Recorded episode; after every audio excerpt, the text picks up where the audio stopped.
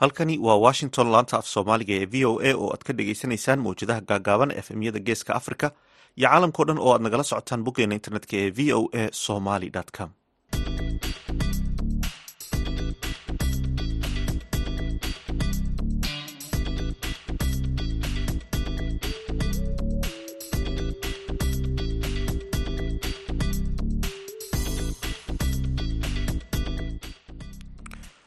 wanaagsan dhegaystayaal waa maalin jimcaha bisha januari waa sagaal iyo toban sanadka labada kun afar iyo labaatanka. Afrikada bari saacaddu waxay tilmaamaysaa kowdiyo barkii duhurnimo idaacadda duhurnimo ee v o a waxaa idinla socodsiinaya anigoo ah xuseen bare aadan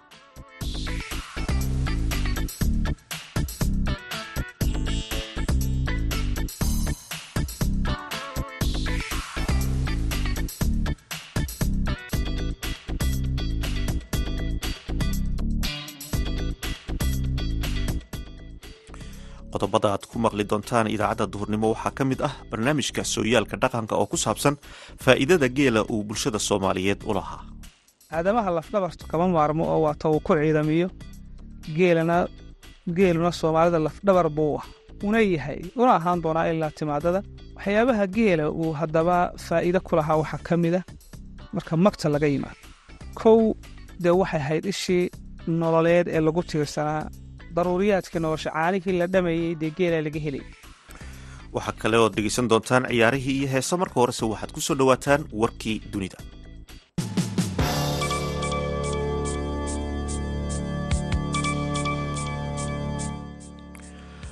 Afhayeenka milatariga kooxda xuuthiyiinta ee yemen ayaa sheegay saacadihii hore jimcihii saaka in ay kooxda xuuthiyiintu gantaalla ku beegsadeen markab maraykanka oo lagu magacaabo kim ranger oo marayay gacanka cadmeed afhayeenka milatariga xuuthiyiinta ayaa sheegay in weerarkaasi uu ka dhashay khasaare toos ah isagoo xusay in ciidamada qalabka sida ee yemen ay xaqiijinayaan in jawaab laga bixiyo weerarada maraykanka iyo britain ay tahay mid lama huraan ah. Gardarro kasta oo cusubna laga jawaabi doono sida uu hadalka u dhigay shirkadda amniga badda ee britain ee lagu magacaabo ambry ayaa sheegtay in ay heshay warbixin ku saabsan dhacdo boqol iyo shan iyo toban mayl koonfur bari kaga beegan magaalada xeebta ee cadan ee dalka yemen fiidnimadii khamiistii ee xalay.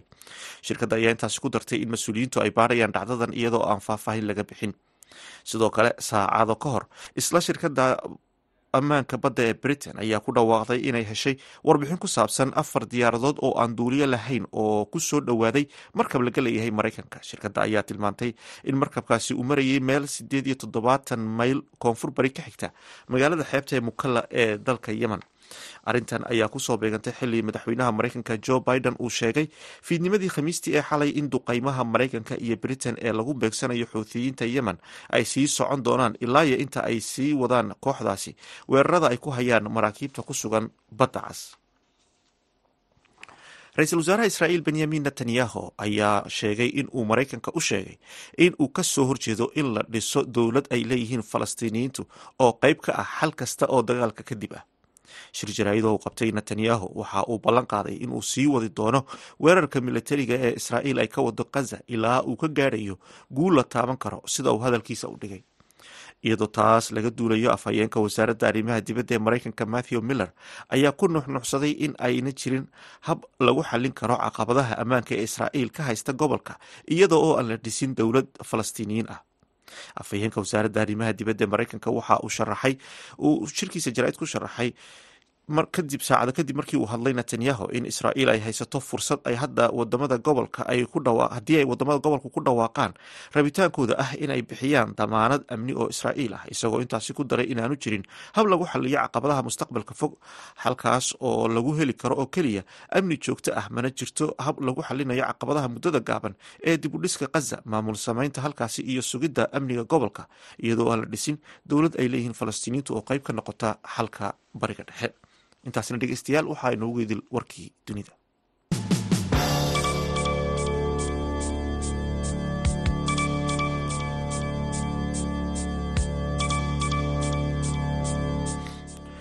Halkan dhegeystayaal nagala socotaan waa laantaaf soomaaliga ee v o a. Markana ku soo dhawaada barnaamijkii sooyaalka dhaqanka waxaa soo jeedinaya xamse cali jeesto oo hargeysa jooga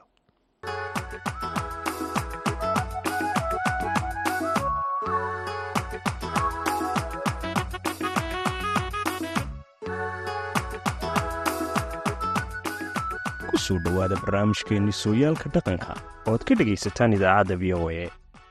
Barnaamijkeenna sooyaalka dhaqanku maanta wuxuu idinka imanaya magaalada hargeysa waxaana idiin soo jeedinaya anigoo ah xamse cali jeesto. Waxaa maanta barnaamijkeenna inuugu martiyaa cabwaan dhaqan mawlid aadan biixi oo aanu ka waraysan doonno dhaqashada geela suugaanta taariikhdii hore uu lahaa geelu colaadaha soomaalida iyo sheekooyin kale oo ku saabsan geela. Haddaba ku soo dhowow barnaamijka. Aad baan ugu dhowahay xamse. Adiga iyo idaacadda iyo barnaamijka waa ku dhowah aad baad u mahadsan tahay halkeebuu ka yimi geelu bismillahi raxmaan raxiim. Horta geela dee guud ahaan waxa uu ka mid yahay nimcooyinka ilaahay nagu galladay aynu leenahay. Ee aadamaha ilaahay soo raaciyey si ay uga faa'iideystaan xilliyadase dhaqashadiisa lagu baraarugay waxaa la yidhaahdaa ilaa shan kun oo sannadood ka hor ayaa dhaqashadiisa geela halka kurusi leh la dheefsaday. Geela labada kuruslena waxaa la yidhaahdaa waxaa isna la dheefsaday in ku dhow kun iyo shan boqoloo sano. Laakiin haddana aadamuhu waa wax iska qodqod badan yahaye waxaa jirta sheeko caana oo la yidhaahda geelu asalkiisu jinbuu ka yimi waxaa la yidhaahdaa ilmo nebi aadan habiil iyo qaabiil kolkii dhagartu kala gaadhay. Qaabiil wuxuu u baxsaday dhulka yaman dhulka yaman reerkuna waxa uu deganaa dimashik buuraha dhaadheere yaman isagoo ku dhex jira ayaa wuxuu la kulmay jin goobta deegaan ku ah jinkiibay isu dhowaadeen oo uu la xidhiiday inan bay siiyeen. Muddo doora kolkii uu halkaa nagi ku ahaa ayuu ku dhex qalooday oo ay suuragal noqon weyday inuu la jaan qaaday iyaga maadaama iyagu ay maaragtay habeenkii nool yihiin oo maalintii hurdaan aadamuhuna uu maalintii dee shaqeeyo habeenkiina uu seexdo. Wuxuu ka duraantay markaa in lagu celiyo ciddii uu ka yimi lana dhexdhexaadiyo. Jinkii dabeeto waxay garteen in codsigiisa loo fuliyo nebi aadanoo markaa hindiya ku maqnaa baa la weriyaa markii uu yimi in la yidhi diyadii qaado. Geelu markaa dadku muu dhaqan jireen xoolo jin buu ahaa. Waxay garteen jinkii markaa inay u xulaan geel laakiin geelaas uu noqdo geel aan taran samayn oo hashu markay goloofta tahay oo markaa aanay irmaanayn ee aan cana laga maalahaynin rimanaynna oo aan laga filinhaynin de inay wax dhasho. Boqol halaad bay mareen ama xuleen ama sooceen. Nasiib wanaag boqolka halaad waxaa ku jirtay hal dabala. Hasha rimani way goojisaa oo goojadaasi astaan waxay u tahay inay caloosha wax ku sido maadaama aanay hashari dib lahayn dee sumad lagu gartaa ma jirto. Kolkaase way rimanay boqolkii halaad baa aadamaha la guddoonsiiyey hashii dabada la'ayd baa nasiib wanaag waxay dhashay qurbac ama labood laboodkaasaa uu ka tarmay geela aadamuhu uu dhaqma. Geela aadamuhu dhaqda halkaasuu ka tarmay baa la yidhaahdaa. Laakiin sida dee xaqiiqadu tahay geelu waa nicamka ilaahay lagu galladay. Ee qur'aankana ku soo arooray in ka badan saddex iyo soddon goor iyadoo ilaahay ina leeyahay nicamkiisa iyo sida loo jecel yahay iyo abuurtiisa iyo hanaanka eeba ugu farayaraystay iyadoo lagu soo bandhigayo. Aad iyo aad baad u mahadsan tahay muridaadan bixiye abwaane waxaa jirtaa soomaalidu inay aad geela ay u ixtiraamto ama ay u hirgeliso. Haddaba soomaalida dhexdeeda meeqaam sare maadaama aad sheegtay inuu ku dhex la'aa ma jirtaa hab aan ahayn inay magta iskaga bixiyaan amba waxtarow u lahaa soomaalida geelo de horta geelu soomaalida meel adag buu ka istaagay. Soomaalida meel adag bay geela ka taagan tahay. Noloshoodana waxay aaminsan yihiin inuu yahay lafdhabar. Allah u naxariistay cumar austraeliya ayaa gabayadiisa mid ka mida wuxuu ku yidhi waa dhagax naf loo haysadaa dhigay ilaahaye waa dhabarka seedaha ku yaal sidigta dhaameele. Dhadhab adag haddii aanu ka bixin laguma dhaateen ragga laxaha sii dhowray u dhaqasha waa geel. Dhinac cabdalla xasanna wuxuu yihi geelu waa halbowlaha naftu ka haldhag leedahay. Mar kale wuxuu yidhi hali waa nin hooyadii nin kastaba haystee. Afarfoollaha aaba mooye aan kala baran abaydimiyahay sugaanta aynu soo qaadnay dhammaan waxay muujinayaan waxtarka iyo dheefta mugga leh ee geela uu nolosheenna ugu fadhiyo. Aadamaha lafdhabartu kama maarmo oo waata uu ku ciidamiyo geelana geeluna soomaalida lafdhabar buu ah una yahay una ahaan doonaa ilaa timaadada. Waxyaabaha geela uu haddaba faa'iido ku lahaa waxaa ka mid a marka magta laga yimaado. Kow dee waxay ahayd ishii nololeed ee lagu tiirsanaa daruuriyaadkii nolosha caanihii la dhamayey dee geelaa laga helay. Waa ta koowaad. Waa ta labaadee ninku marka uu guursado ama uu guur maago dee wuxuu ka helayey geela oo geelaa uu ku guursanayay xasan tarabeellaha u naxariistay wuxuu gabay ku daray.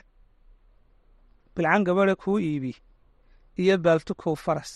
Waa laba shay faras baad ku iibsan kartaa aad ku dagaalanto maadaama aynaan gaadiidkan motorada aynaan lahaan jirin farduhuna aynoo ahaayeen gaadiid.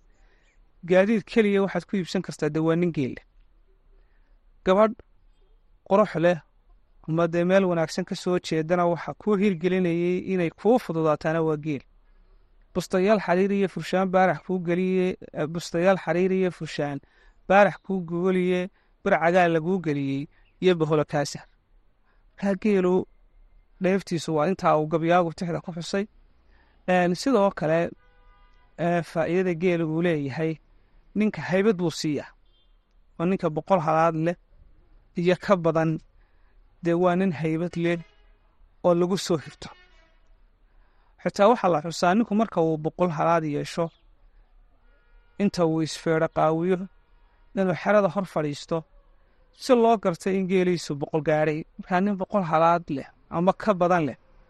Wuxuu ahaa nin maamuus gaara leh oo talada marka reerku goynayaan ilaa uu soo fadhiista aan lagu dhiiranin hore go'aanka loo qaato. Marka haybaddii noloshii gobonnimadii dhammaan noloshii oo dhan wixii quruxda lahaa oo dhami waxa uu ku taxnaa geela.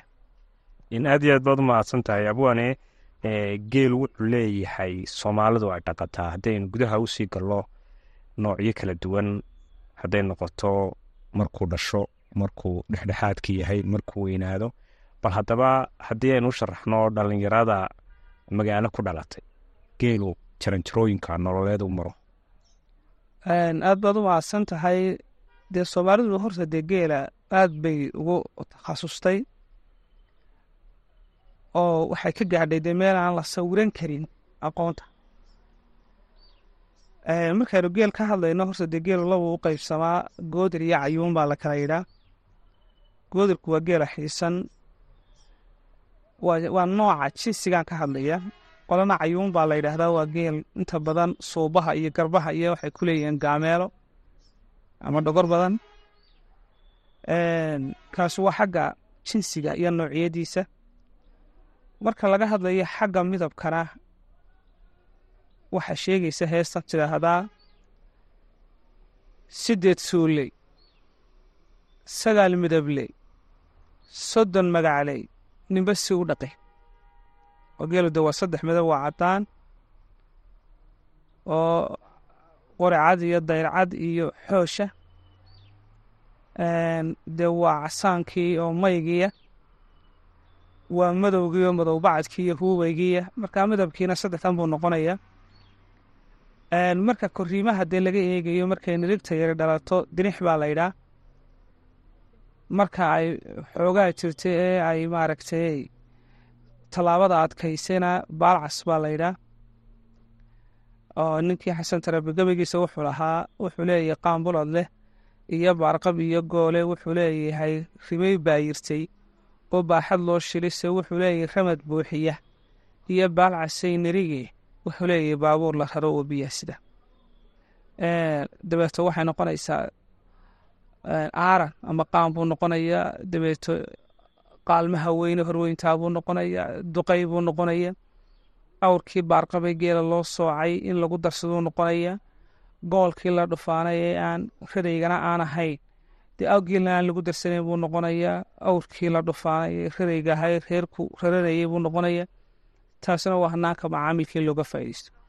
Halka aad nagala socotaana waa idaacadda v o a iyo barnaamijkeeni seeska dhaqanka. Waxaa maanta barnaamijka martii noogu ah dhowaan mawlidaadan biixi oo ah dhaqanyaqaan sugayahan qoraa iyo welibana falanqeeya dhaqanka. Su'aashaan weydiinaynaa waxay noqonaysaa waxa jirtay soomaalida dhinaca kale haddii aynu ka eegno colaado fara badan oo sababay. Marka inagoo aan gudaha u daadegahaynin dagaaladii caanka noqday ee geela ka dhashay bal maxaad ka sheegi kartaa.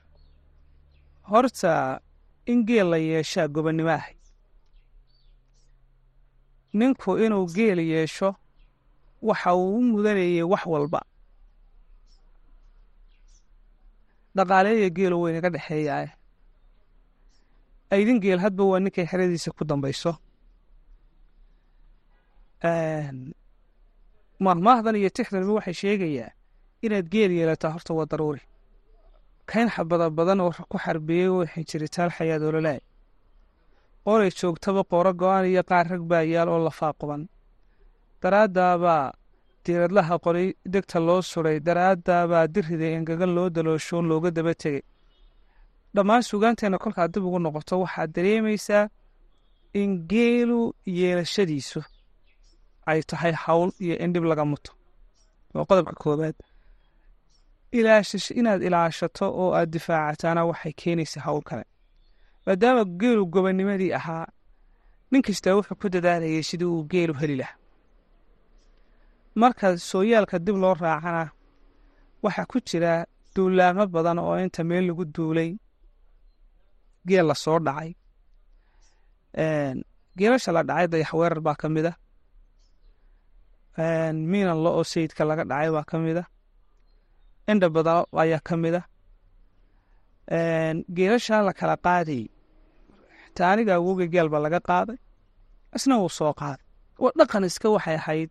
Bulshadu ay lahayd in geel la kala qaado la kala dhacsado la kala rito. Waxaanay ahaydee taariikha la soo maray oo dee suugaan fara badan ayaana laga jirin geela inta badan soomaaliduna marka qof geel laga qaado. Waxay yidhahdaan qofkanoo keliya geeli lagama qaadine waxaa geela laga qaaday qabiilka oo dhan.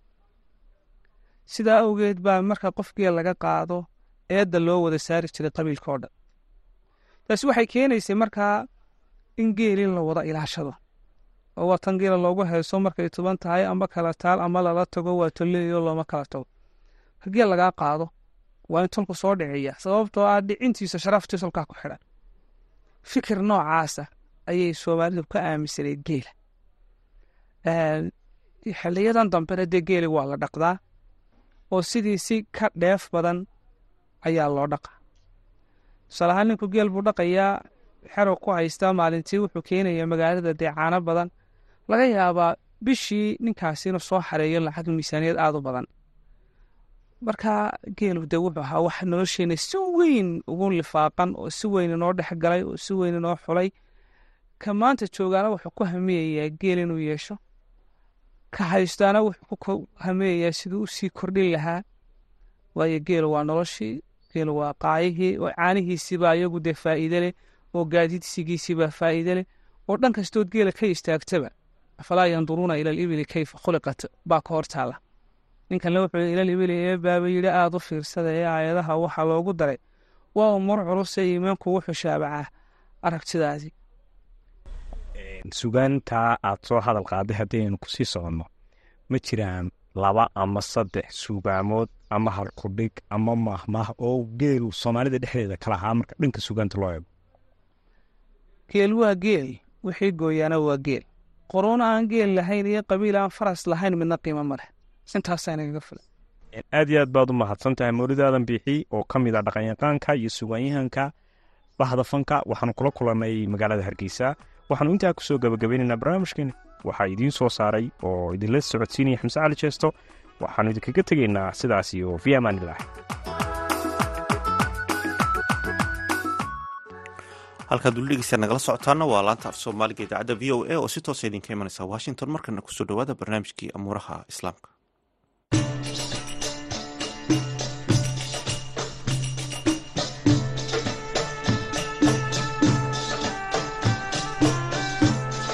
kulanti wanaagsan idinkiinba khiyaarta ahna dhegaysanaysaa meel kasta oo aad caalamka ku sugan tihiinba kuna soo dhowaada barnaamijkeenii aamuuraha islaamka.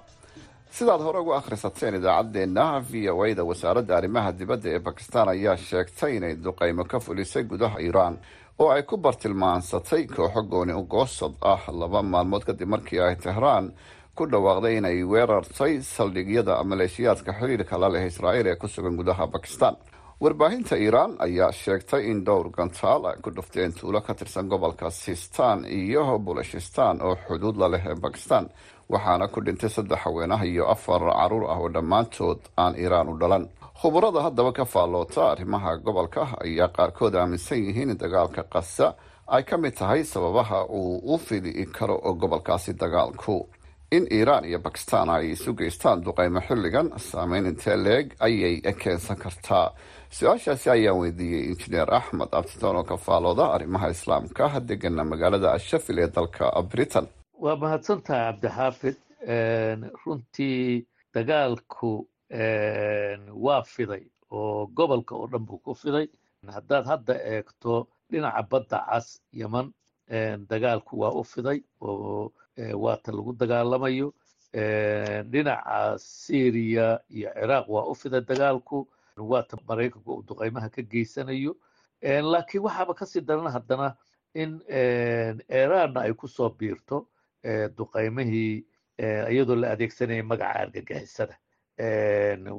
Waxay duqeeyeen waddanka ciraaq gudihiisa waqooyiga ciraaq waxay duqeeyeen waddanka bakistan arrintaas waxay keenta bakistan lafteedu inay ka jawaabto marka dagaalku gobolka waa ku fiday oo gobolkao dhan baa hadda ololaya. Meel halisana wuu marayaahoo waxaa dhici kartaba dagaalku inuu intaas ka sii fido kana sii kululaado. Wasaaradda arrimaha dibadda ee bakistan bayaan ay soo saartay waxay ku sheegtay in tiro argagixiso ah lagu diray intii uu socday howlgalka oo lagu saleeyay xog sirdoon ah iyada oo ku tilmaantay weeraro xidhiidh ah oo si heer sare ah loo agaasimay oo lala beegsaday goobo ay ku dhumaalaysanayeen argagixisadu bakistan waxay si buuxda u ixtiraamaysaa madax banaanida iyo midnimada dhuleed ee jamhuuriyadda islaamiga ah ee iiraan ayaa bayaankaasi lagu sheegay. Ujeedada keliya ee shaqadaasi loo qabtayna ay ahayd in aanu raadino ammaanka bakistan iyo danaha qaranka taas oo ah mid aada u muhiim ah oo aan la carqaladayn karin. Haddaba weerarada dal uu dal kale gudihiisa ku qaado iyada oo la beegsanayo argagixiso intee ayay kordhin kartaa xasilooni daro baahda waa kan mar kale injineer axmed abtidoon waxaa kale oo hadda dagaalka ku soo kordhay in maceeshadii isku socodka maceeshada iyo beec mushtarka badda cas oo dhan uu istaagay oo hadda aanay maraakiibtu marnaba maaragtay ka wada leexdeen. Kadib markii canshuuraadkii iyo inshuransyadii cirkaas waxaa la leeyahay halkii container yaa waxaa fuushay lacag ka badan toban kun oo dollar calaa container maadaama ay ka wareegayaan maraakiibtu oo afrikada galbeedka marayaan halkaa iyo bacifiga mataqaana ay marayaan. Marka taasna iyada lafteedu aafadan amni darrada waxaa ka sii daranba aafada dhaqaale ee caalamka ay arrinta tanu soo soo food saarayso iyadoo haddeertaaba recession iyo maaragtay sicir barar laga soo laleeyahy waa laga soo baxaya in haddana tanu ay timaado waxay ku tusaysaa marxaladda khatarta ah ee gobolka bariga dhexe ka taagan iyo weliba jasiiradda carabta oo guud ahaanba. Ilo ka tirsan sirdoonka bakistan ayaa wakaaladda wararka ee reuters u sheegay in duqaymaha ay fuliyeen diyaarado milatari sarkaal ka tirsan sirdoonka caasimadda bakistan ee islaamaad ayaa isaguna sheegay in ay ciidamadoodu qaadeen weeraro lagu bartilmaansanayo dagaalyahanada abalooj ee ku sugan gudaha iiraan intaasi ayaynu dhegaystayaal ku soo gabagabaynayna barnaamijkeenii amuuraha islaamka anigoo cabdixaafid dacwil ismaaciil ah ayaana soo diyaariyo idinla socodsiinaya taniya inta aynu mar kale kulmayno haddii ilaahay raalli ka noqdo sidaas iyo jimaac wanaagsan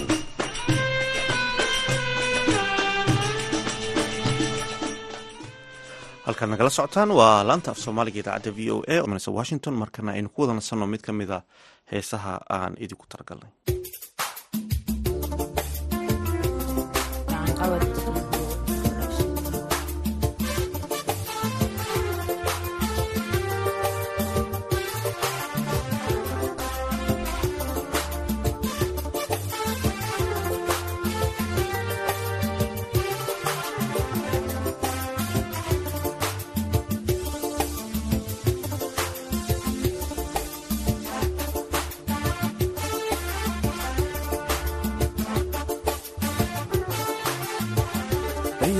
dayaxiyo cadceediyo deegaan la moodyay qalab lagu durduurkiyo daxabkoo iftiima dayaxiyo cadceediyo deegaan la moodyay qalab lagu durduurkiyo daxabkoo iftiima daawashada kuwaanay damaqbayga kaagalay damaqbayga kaagalay daawashada kuwaanay damaqbayga kaagalay damaqbayga kaagalay waxaa waxaa iga dardaara. Oon kaaga digaya waxaa waxaa iga dardaara oon kaaga digaya dadkayuusku keendirin dabdhaxadiina laga shidin dabdhaxdiina laga shidin. Dadkayuusku keendirin dabdhaxadiina laga shidin dabdhaxdiina laga shidin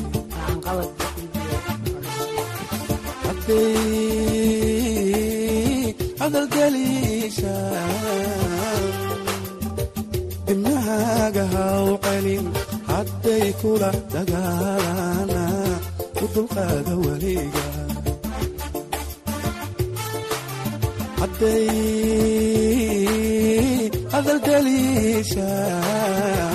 hadalgeliishaan dibnahaaga haw celin hadday kula dagaalana dulqaada weliga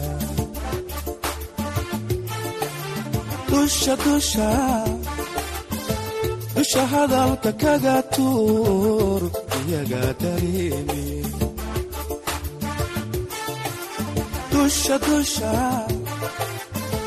Dusha hadalka kaga tuur iyaga dareemi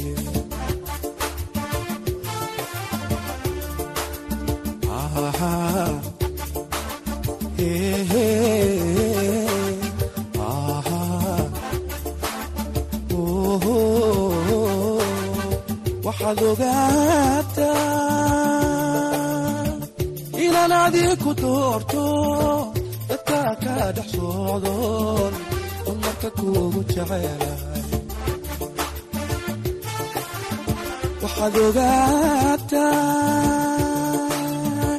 inaan adiku doorto dadka ka dhex socdoon dumarka kuugu jecelahay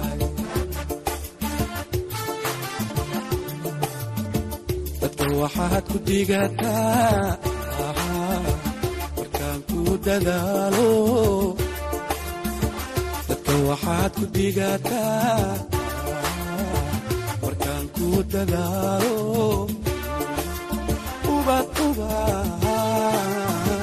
ubad daadahayse ee ubad uba ubad daadahayse heeskaas ayaan ku soo gabagabaynaa baahinteen idaacadeed oo si toosa idinka imanaysa laanta af soomaaliga ee v o a. Tani kulan dambe waa dhammaan bahda laanta af soomaaliga v o a washington oo sidaas iyo nabadgelyo